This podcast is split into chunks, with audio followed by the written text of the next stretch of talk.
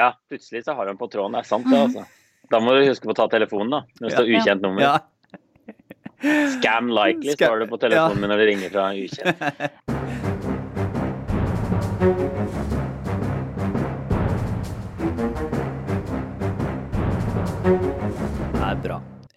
Nei, men da er vi i gang med denne ukens Aftenpodden USA. Eh, Hvis det var eh, noe spørsmål om vi har eh, temaer å snakke om, så er det ingen tvil. I studio her i Oslo, Kristina Pletten, kommentator, god dag, god dag. God dag. Og jeg sitter her, Lars Lomnes, og du, Øystein Langberg, USA-korrespondent, nå ikke i Brooklyn, men ute i det ekte USA. Hvor er det du er om dagen?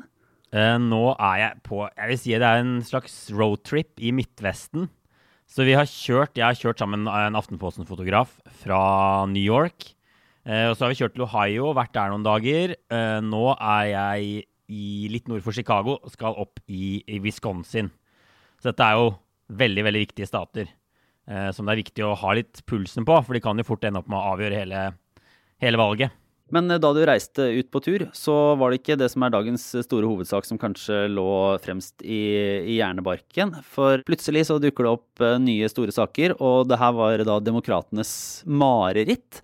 Det var jo ikke akkurat sjokkerende, men eh, det, det smalt eh, bra i den amerikanske offentligheten likevel. Høyesterettsdommer Ruth Bader Ginsburg døde, 87 år gammel, har jo vært sjuk lenge. Men det betyr jo da at Donald Trump kan ende opp med å få utnevnt tre høyesterettsdommere i løpet av sin fireårsperiode, og slaget er i gang. Det er jo helt ellevill dekning i amerikanske aviser av dette her. Det har slått ned, som du sier, eh, med stor kraft i USA. Jeg, jeg vil sammenligne litt med som om en kongelig dør i det landet her. Det er flagg, i hvert fall på føderale bygninger, og veldig mange bygninger er det flagg på halv stang eh, rundt omkring.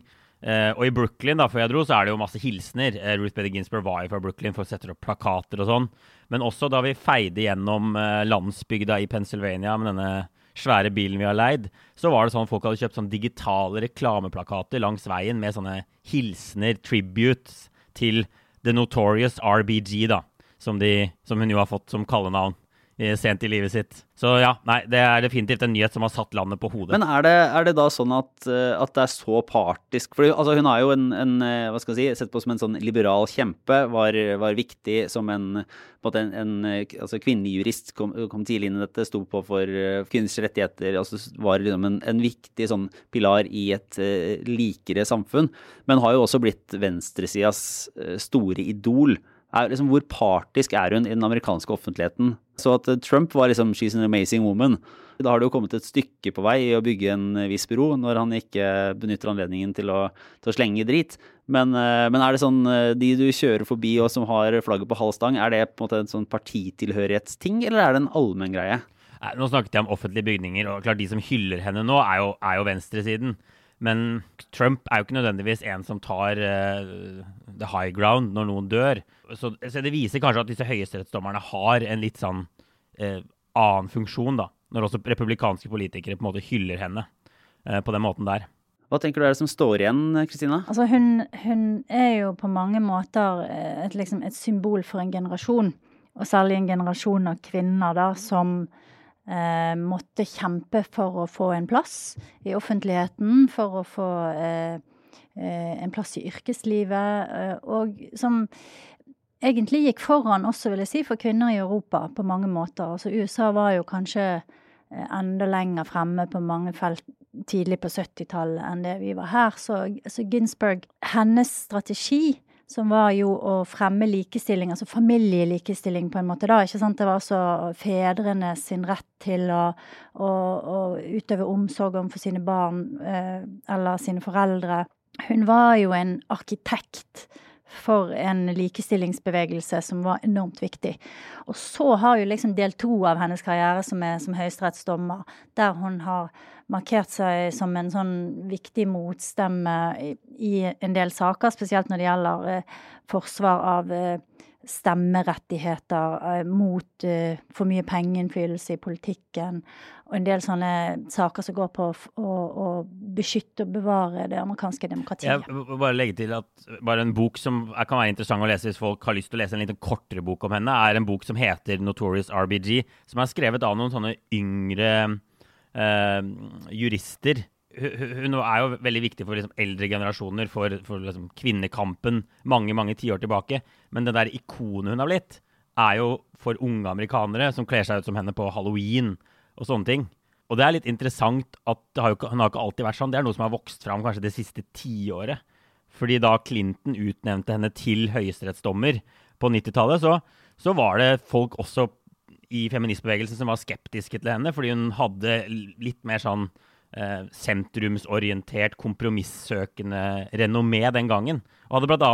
uttalt at den derre Roe versus Wade, eh, abortliberaliseringsvedtaket i Høyesterett, kanskje gikk for langt for fort til det som egentlig var eh, mest tjenlig da, til den kampen de kjempet. Og så tenker jeg at eh, det er noe med at eh, du fikk jo et veldig sterkt backlash mot feminismen, spesielt i USA på slutten av 80-90-tallet, og som varte ganske lenge, da.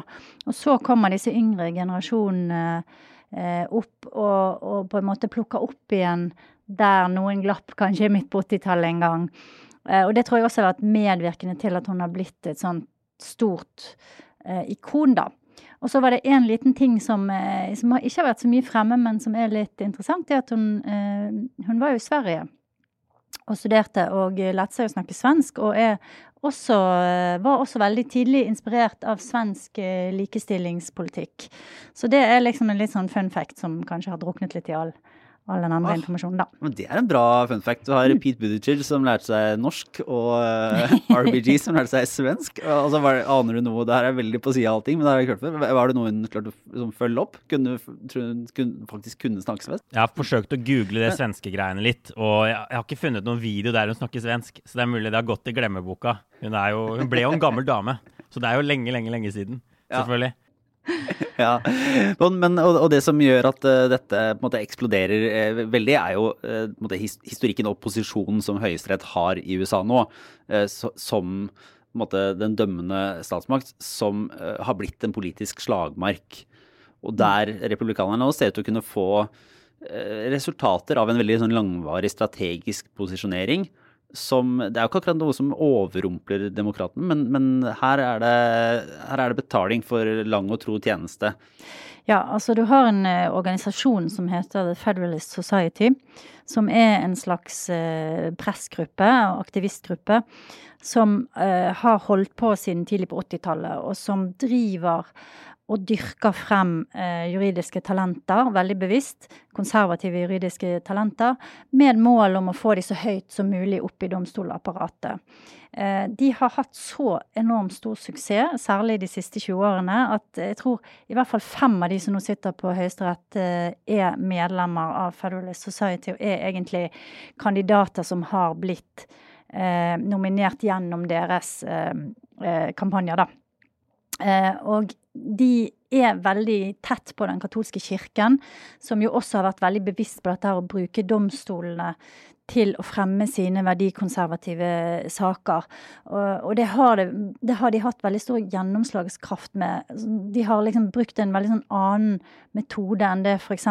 mange andre organisasjoner gjør, som kanskje driver ja, reklamekampanjer, går ut og demonstrerer i gatene.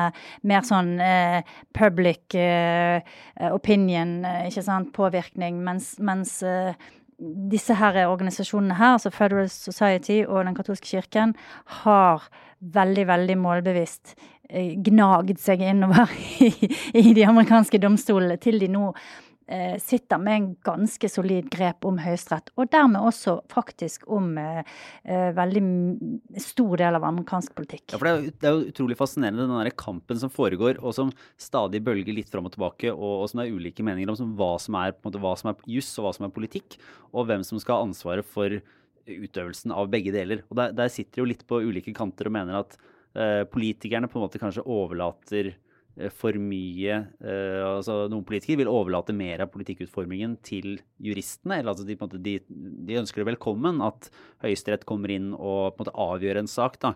Uh, mm. Mens noen av de som sitter og typisk de konservative i Høyesterett, mener også da at, at, at retten ikke nødvendigvis skal ta stilling til så mye, men at politikerne selv skal stå for det. Og dermed liksom dytter unna beslutninger og sender det tilbake til både til politikerne altså i, i, Washington, og særlig da i statene. da, Det som på en måte gjør hva skal si, så er det sånn akseptable argumentasjonsrekkene på en del av de, de kontroversielle spørsmålene, er jo at de konservative eh, de vil ikke nødvendigvis ta stilling direkte til eh, på en måte ja og nei til abort, da, f.eks. Men de vil si at ja, det, ikke, det, ligger ikke i Grunnloven at det er en nasjonal eh, posisjon på dette spørsmålet, så det kan statene ta seg av selv. Og det er statenes politiske ansvar å bestemme seg for om det skal være tilrettelagt for fri abort i den staten. Mm. Og, og, sånn foregår det på mange områder. Da. Og der, den der ideologiske fighten der er jo, eh, den er jo vedvarende og veldig interessant i dette her, og kampen mellom hva som skal være politikk da, og hva som skal være juss. Ja, altså Høyesterett eh, sin oppgave er jo på en måte å tolke eh, Grunnloven. Tolke saker de får eh, foran seg i forhold til eh, om de er grunnlovsstridige eller ikke.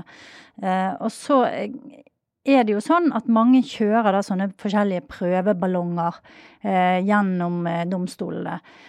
Og da eh, bruker de mange forskjellige taktikker på det. Eh, F.eks.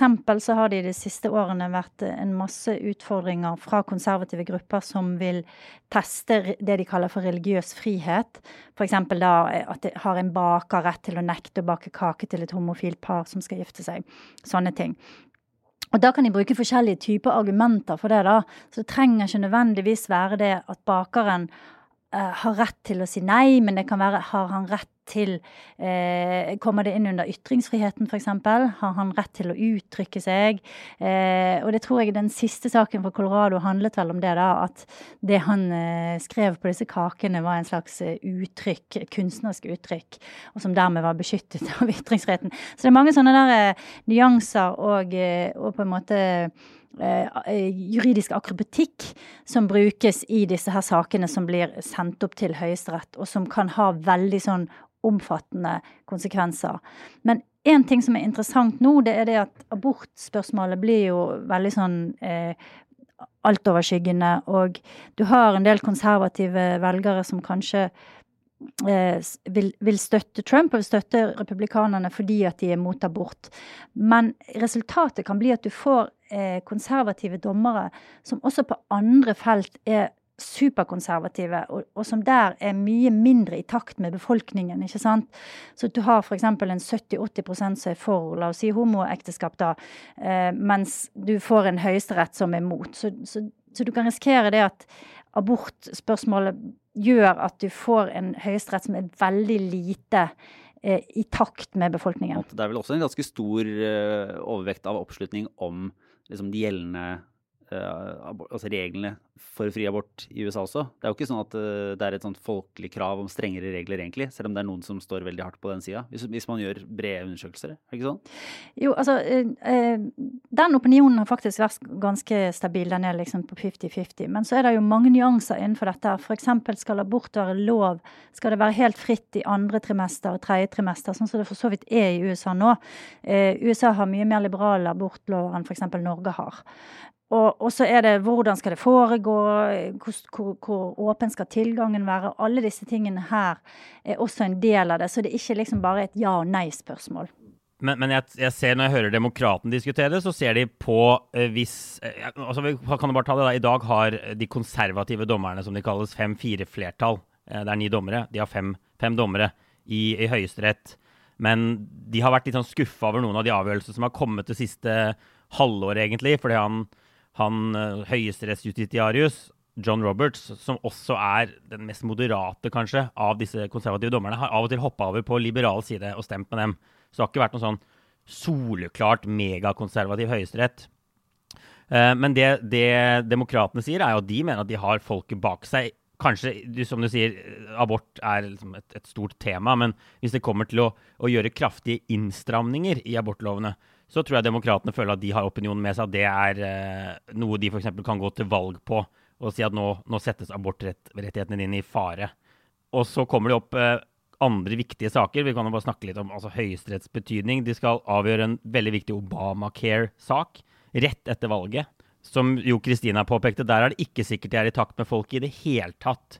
Hvis de f.eks. Eh, tar altså den, En viktig del av Obamacare var jo at folk med underliggende sykdommer kunne få, få um, kjøpe forsikring uten at det koster enormt mye. Og hvis de fjerner f.eks. en sånn provisjon eller en sånn del av loven, så tror jeg det er veldig upopulært i folket. Så det, ja, Mm. det blir veldig interessant å se. Men jeg tror demokratene føler at de kan gå til valg på, eller imot, da, utnevnelser av veldig konservative høyesterettsdommere. Ja, for det som kommer nå er jo en eh, interessant eh, og, og, og spennende fight, politisk fight fram mot eh, valget, og i etterkant på når dette skal skje. Og er det greit å utnevne en ny høyesterettsdommer så kort tid før et presidentvalg? Og der står jo da, som kjent, partiene helt motsatt av sånn de sto for fire år siden. Da var det Obama som hadde lyst til å utnevne en ny dommer, eh, mens republikanerne ville ikke engang eh, på en måte, ha høringer i, i Senatet, eh, fordi de mente at nei, det her var for tett på et valg, og her måtte folket ha muligheten til å komme med en, liksom, sin stemme og vise med eh, demokratiet hva de er ute etter. Ja, Da var det jo en konservativ dommer som døde i februar, og nå er det jo da en liberal dommer som har dødd i, nei, i september. Det er jo enda tettere på valget. Vesentlig tettere på valget. Den, Ja. den store forskjellen er jo at republikanerne nå har flertall i Senatet. Og det hadde de også den gangen, Ja. i 2016. Så Obama kunne ikke Og- få gjennom noen, uh, selv om han hadde brukt på en måte harde midler, mens republikanerne kan, hvis de vil. Og det ser det ut som de vil. Og så kan man si det har vært en lang på en måte, bevegelse i retning av mer sånn, politiserte utnevnelser av dommere over de siste tiårene. da. Og i si, gode gamle dager så var det kanskje en sånn større enighet om at hvis du var kompetent og respektert og hadde det i bunn, så ville du egentlig gå igjennom selv om du ble utnevnt av det andre, andre partiet. Men sånn er det jo ikke situasjonen lenger. Det har det jo ikke vært på, på mange år. Eh, Og utgangspunktet Demokratene sier jo nå liksom dette er urettferdig. Jeg vet ikke om det er sånn urettferdig at Donald Trump, som eh, er en usympatisk president, skal få utnevne tre stykker. Eh, Her må vi vente. Og det er jo liksom umoralsk eller republikanere hyklere som sier noe annet nå enn for, for fire år siden. Og det er mulig da jeg er kynisk, men dette er jo altså, Der Donald Trump gikk til valg, fikk med seg republikanere som alltid har vært det, men som syntes han var ufordragelig, på å stemme på republikanere fordi han skulle få gjøre disse uh, tingene her. Fordi de så det som så viktig. Uh, og nå skal han liksom bremse. Det virker uh, det er, Han har fire år! Hvorfor, eh, hvorfor, hvorfor skal han liksom begynne å, å bremse ned det før? Det, de har jo, det er ingenting demokratene kan gjøre for å stanse dette her, er det ikke det? Altså, det, det, det de kan gjøre for å stanse det, er jo å prøve å overtale noen av republikanerne til å stemme mot.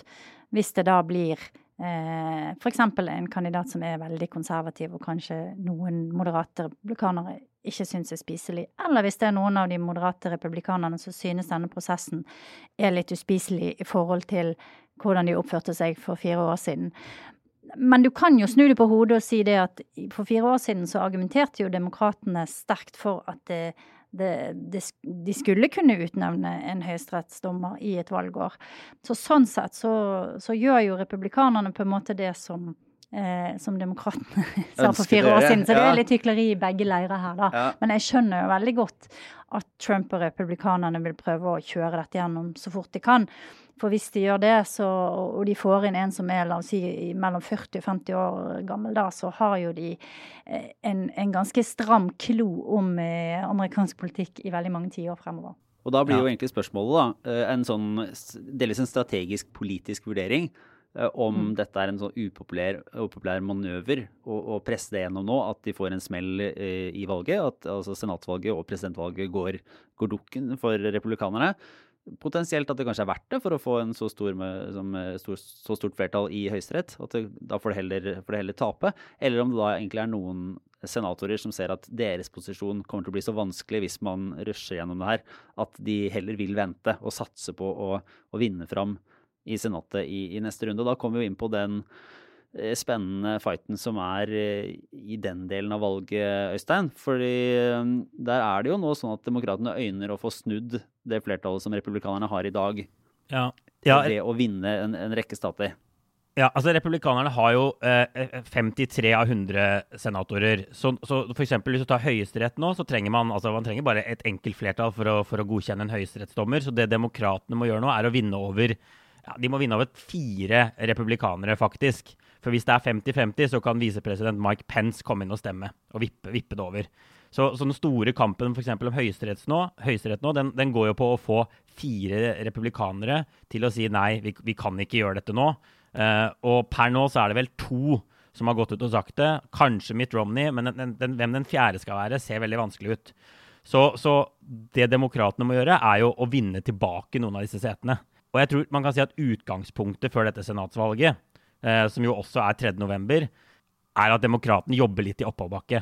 Det er jo alltid en tredjedel av setene som er på valg hvert andre år, og så sitter man i, i seks år av gangen. Og det er få sånne soleklare, ferdigskårte mål som demokratene bare kan plukke opp. Eh, de må gjøre et ganske godt valg. De må på en måte vinne senatsvalg i delstater der Trump vant i 2016.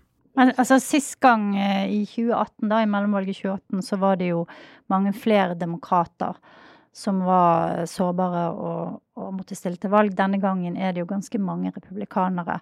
Og republikanere i stater som kanskje ikke er nødvendigvis sånn super-Trump-tilhengerstater, da.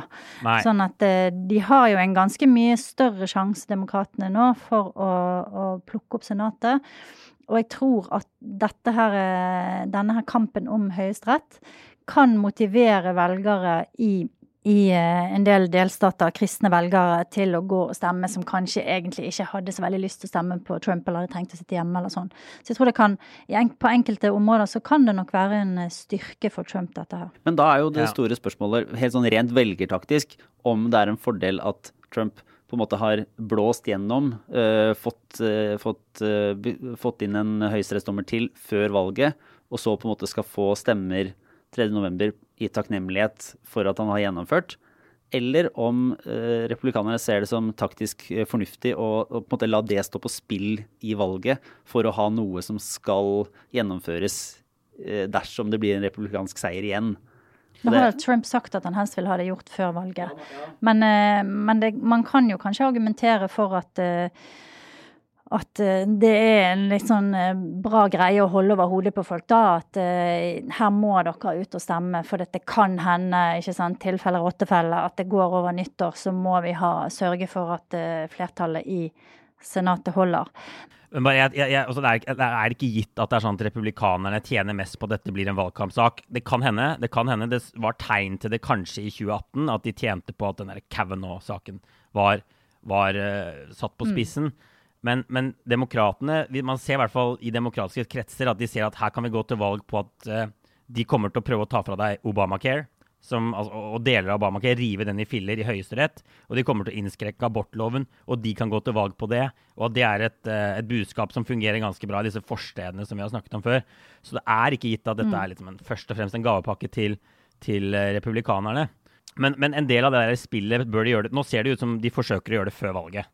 Og det kan jo hende at det oppfattes som et hakk mer legitimt av velgerne enn hvis republikanerne har tapt valget, de har tapt presidenten, de har tapt senatet, og så gjør de det i den der mellomperioden mellom valget, altså i, i, i november-desember, mellom Ja. valget og januar, når de da egentlig har på en måte mistet sin legitimitet. Fordi det som jo diskuteres blant demokratene nå, er jo det derre tredje, den muligheten de har om å bare si det, ni, det har vært ni dommere i 150 år, men nå utnevner vi tre-fire til og sørger for at det blir mer balanse i Høyesterett, som er en mulighet de har. Og de har kanskje bedre argumenter hvis republikanerne har gjort dette i en sånn mellomfase etter å ha tapt et valg, enn nå før valget, da. På den annen side så vil det jo være sånn at uh, hvis de skal kjøre dette gjennom før valget, så må disse senatorene som da er på justiskomiteen, sitte i Washington og følge med på disse høringene og stemme og så videre. Så da kan ikke de være ute og drive valgkamp. Så det er også et, uh, et eh, perspektiv som de må vurdere i dette her. Men helt til slutt på, på dette, Øystein. Er det noe som tyder på at denne saken på det endrer det politiske bildet? Altså Per nå har det kommet noen målinger eller andre fakta som, som gjør at dette dominerer mer. Jeg ville tro at uh, koronaviruset f.eks., som har, har vært en viktig sak, den er jo ikke akkurat borte. Så, så hvordan treffer det den jevne velger, så å si, som kanskje ikke allerede har brydd seg fryktelig mye om, om Høyesterett? Vet man noe om det nå, eller er det noe som gjenstår å se? Nei, jeg syns det er vanskelig, vanskelig å si akkurat hvor mye dette betyr. Jeg tror fortsatt korona, arbeidsledighet, er de to store viktige sakene. Det her kommer helt sikkert til å bli en tredje viktig sak. Men det er jo fortsatt masse, masse koronaproblemer eh, i USA. Masse folk som ikke kommer seg på skole, bedrifter som er stengt, det er på et hotell. Det er jo ingenting som er som vanlig her. Så folk minnes jo på det hver gang de går ut av døra si, eller hver gang de våkner opp om morgenen. Eh, så så foreløpig har det ikke kommet noen målinger som ser ut til å kaste om på det bildet om at Biden leder ganske klart, og hvis det hadde vært valg i morgen, så hadde han antageligvis vunnet, da, skal man tro meningsmålingene og modellene og ekspertene. Eh, Da tror jeg at vi eh, runder av med en runde med obligatorisk refleksjon. Eh, Hvordan er det med deg, Kristina? Har du en anbefaling eller noe du går og tenker på denne uka? Du, jeg eh, var veldig, veldig glad denne uken når jeg så resultatene av The Emmy Awards. For jeg har da sett på en liten, rar serie som heter Shits Creek eh, ganske lenge, og prøvd å anbefale den til alle jeg kjenner. Ingen gidder å se på den. Men den vant da altså absolutt alle Emmy-prisene Ja, ja, i, eh, i, komedie, i komediekategoriene. Så da følte jeg fikk litt sånn uh, bekreftelse på at uh, smaken min ikke var så ille, ja. ille som, jeg, som jeg hadde trodd. Den er en fantastisk serie, og den, uh, en av mine absolutt favorittskuespillere, Catherine O'Hara, spiller da denne helt crazy moren i Det handler om en familie, en rik familie fra New York som, som egentlig eh, mister det meste av rikdommen sin, men så har de kjøpt en sånn rar liten småby som heter Shits Creek, da, på tull. Og, og så, så det er det eneste de har igjen, så de må flytte dit, eh, inn i et sånn motell eh, som de eier. Og så er- handler det om deres eh, forsøk på å tilpasse seg eh, eh, denne byen. Den er utrolig morsom. Eh, Catherine O'Hara er jo verdt å se i, i, også i en del andre ting hun har gjort. Uh, F.eks. Beetlejuice, hvis, det er noen som ikke har sett den.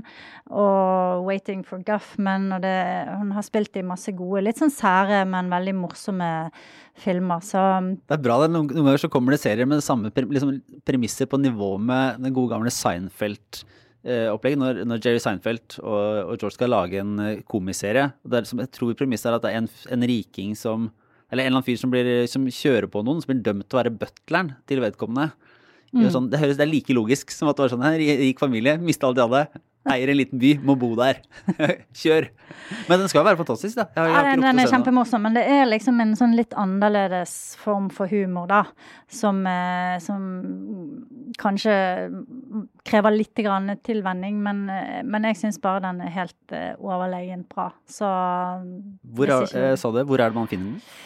Jeg tror den ligger på Netflix nå, faktisk. Nettopp. Ja, men den, det er faktisk, den har stått på lista mi, så den, eh, nå har jeg benyttet anledningen og hypen fra Emmy til å, til å gå inn i det. Eh, Hvordan er det med deg, Øystein? Nei, jeg fyker jo rundt i Midtvesten. Jeg, jeg, kjører, jeg, jeg leide en sånn liten SUV eh, i New York, og så havarerte den rett utenfor leiebilkontoret, så jeg, kom tilbake. Og da pekte de på den aller største bilen de hadde nede i kjelleren der. så nå kjører jeg rundt herlig. i en sånn enorm bil som var helt umulig å lukeparkere i New York, men som føles nesten litt liten når jeg kjører rundt her. Så det er en helt annen verden. Uh, og i går da, så var jeg jo på det som må, er en stor dag i alle USA-korrespondenters liv, vil jeg si. Jeg var på mitt aller første Trump-rally.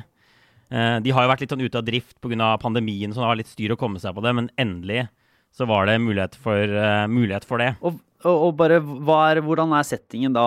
Når, uh, var dette en sånn innendørs der folk står og roper hverandre opp i ansiktet uten munnbind, eller, eller eh, var det bedre organisert? utendørs, Men folk sto og ropet hverandre opp i ansiktet uten munnbind. uh, men det føltes jo litt bedre at det var ute, da. Men det er jo sånn, dette er jo ikke sant, litt festival, det er litt politisk møte, det er litt sånn sekt. Og musikken er jo sånn som det er på sånn nachspiel på NHH. Eh, altså det er boyband, Céline Dion, det dun dunker i timevis, musicals. Og så er det litt sånn eh, Ja, det er litt sånn Egentlig, egentlig kunne de bare spilt P4 på høyttaleranlegget. Fire-fem timer, og folk danser og har det veldig gøy. Og det jeg må si, det er jo altså Det skjer jo mye rart, eh, og det er folk som har opplevd kjipe ting på disse rallyene, men det er i det store og det hele, og i hvert fall i går, veldig god stemning. Folk kommer dit tilbake gang på gang fordi det er gøy. Folk sier det er gøyere enn rockekonsert. Det er noe de husker resten av livet.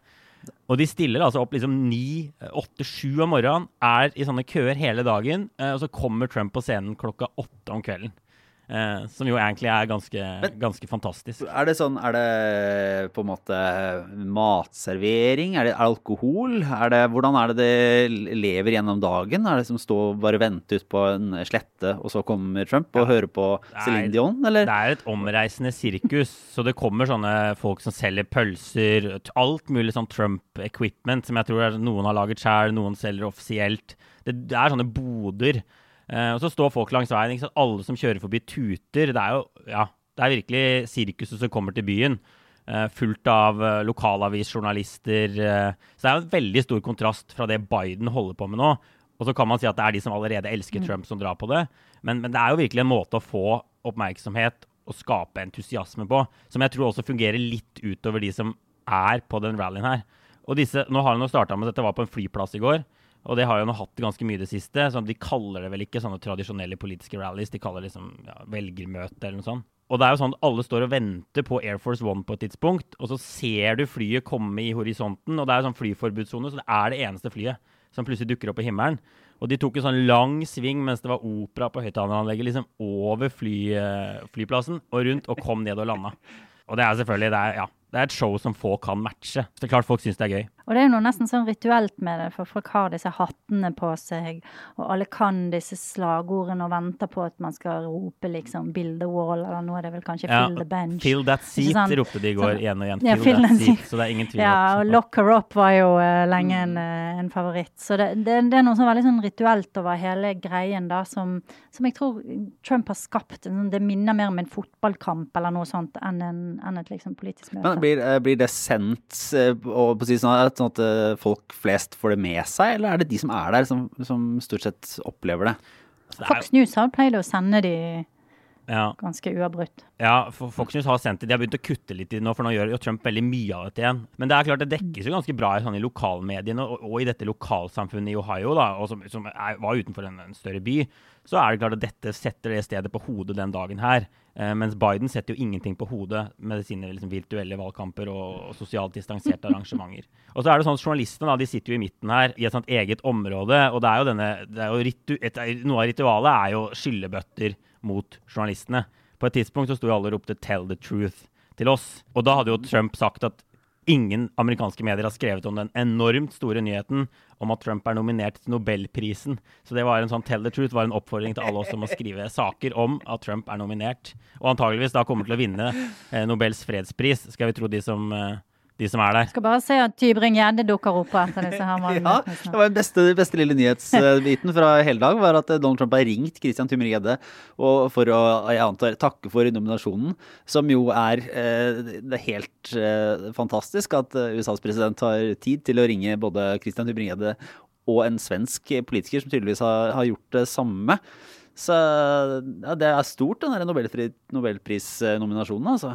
I hvert fall hvis du skal tro, tro Donald Trump. Men vi i mediene må skrive mer om den, eh, helt åpenbart. Jeg gjorde ikke det i går, da. Vi får eh, ta det etter hvert. Men det, jeg må si, det var egentlig eh, også OK der å være. Nå er jeg en hvit mann fra Norge, så det er sikkert, helt sikkert andre journalister som har kjipere opplevelser. Men de roper jo liksom et, i ett øyeblikk fake news til oss, og i det neste så er det sånn Vil du stille på et bilde? Yes, awesome. De, de er bare sånn De elsker å snakke med journalister, alle sammen. De skal ha et enormt markeringsbehov, så det er jo veldig en- egentlig et bra sted å være journalist også. Nei, men så vidt. Jeg skal egentlig runde av med en liten anbefaling, som er eh, en podkast. Hvis man vil ha mer om eh, RBG, så har eh, Radiolab, som jo lager veldig, veldig mye bra, de har også hatt en sånn på en måte en adskilt serie som heter More Perfect, som tar for seg Høyesteretts historie og, og flere interessante saker der. Og det går bl.a. tilbake og ser på Ginsburgs eh, på en måte virke som som advokat og sin liksom, kamp for, uh, for kvinners rettigheter og hennes strategiske egentlig, tilnærming til veldig mange av de sakene her. Så det, det er en fascinerende historie som eh, skal, kan høres i feeden til eh, Radiolab. som er veldig god. Og så tenkte jeg jeg skulle opplyse om at vi gjør en liten manøver her også. For fra neste uke av så kommer denne Aftenpodden USA-podkasten ikke lenger i Aftenpoddens feed. Da benytter vi oss av den eh, veldig gode nye eh, avspilleren i Aftenposten-appen, eh, som man kan, kan høre i. Eller så kan man gå til aftenpodden.no og, linkes rett inn til eh, ferske episoder. De vil da være tilgjengelig for våre eh, kjente og kjære abonnenter. Og hvis man ikke er abonnent ennå, så må man jo da gå inn på ap.no eh, og bli abonnent for å kunne følge med videre fram mot det amerikanske presidentvalget. Så vi håper jo flest mulig gjør det. Og en viktig ting som skjer neste uke, som også kan være en liten gulrot, det er jo at den første debatten skal foregå neste tirsdag. Det stemmer. Så da kommer vi definitivt med noen analyser og oppfølginger av det som har skjedd da, for det er jo et av de virkelig store eh, merkesteinene i resten av valgkampen. Og hvem vet, det kan fort eh, ha dukka opp eh, nye store hendelser også innen den tid. Men hvis man da skulle være i tvil, jeg kommer til å sende ut mer informasjon om hvordan man får tak i Aftenpodden USA videre. Man kan definitivt gå til aftenpodden.no og få hørt alt det som er det siste. Eh, eller bruke Aftenpostens app, altså. Og så kommer jeg til å legge ut litt informasjon på, på Facebook-siden vår også, hvis noen er i tvil der. Men eh, det var vel det for denne gang, eh, Kristina. Takk til deg, Øystein, som henger rundt i den store, med den store bilen din og, og kjører videre. Ja, vi må fylle den. Jeg går veldig fort tom for bensin, disse bilene, har jeg funnet ut. Så det er klart jeg redder ikke verden her nå, men jeg, ja, jeg skal kjøre, kjøre Prius neste gang. Ja. Og så må du fortsette å tell the truth, eh, Øystein. Eh, vi prøver oss igjen eh, neste, neste uke. Det var Aftenbonden. Ha det bra.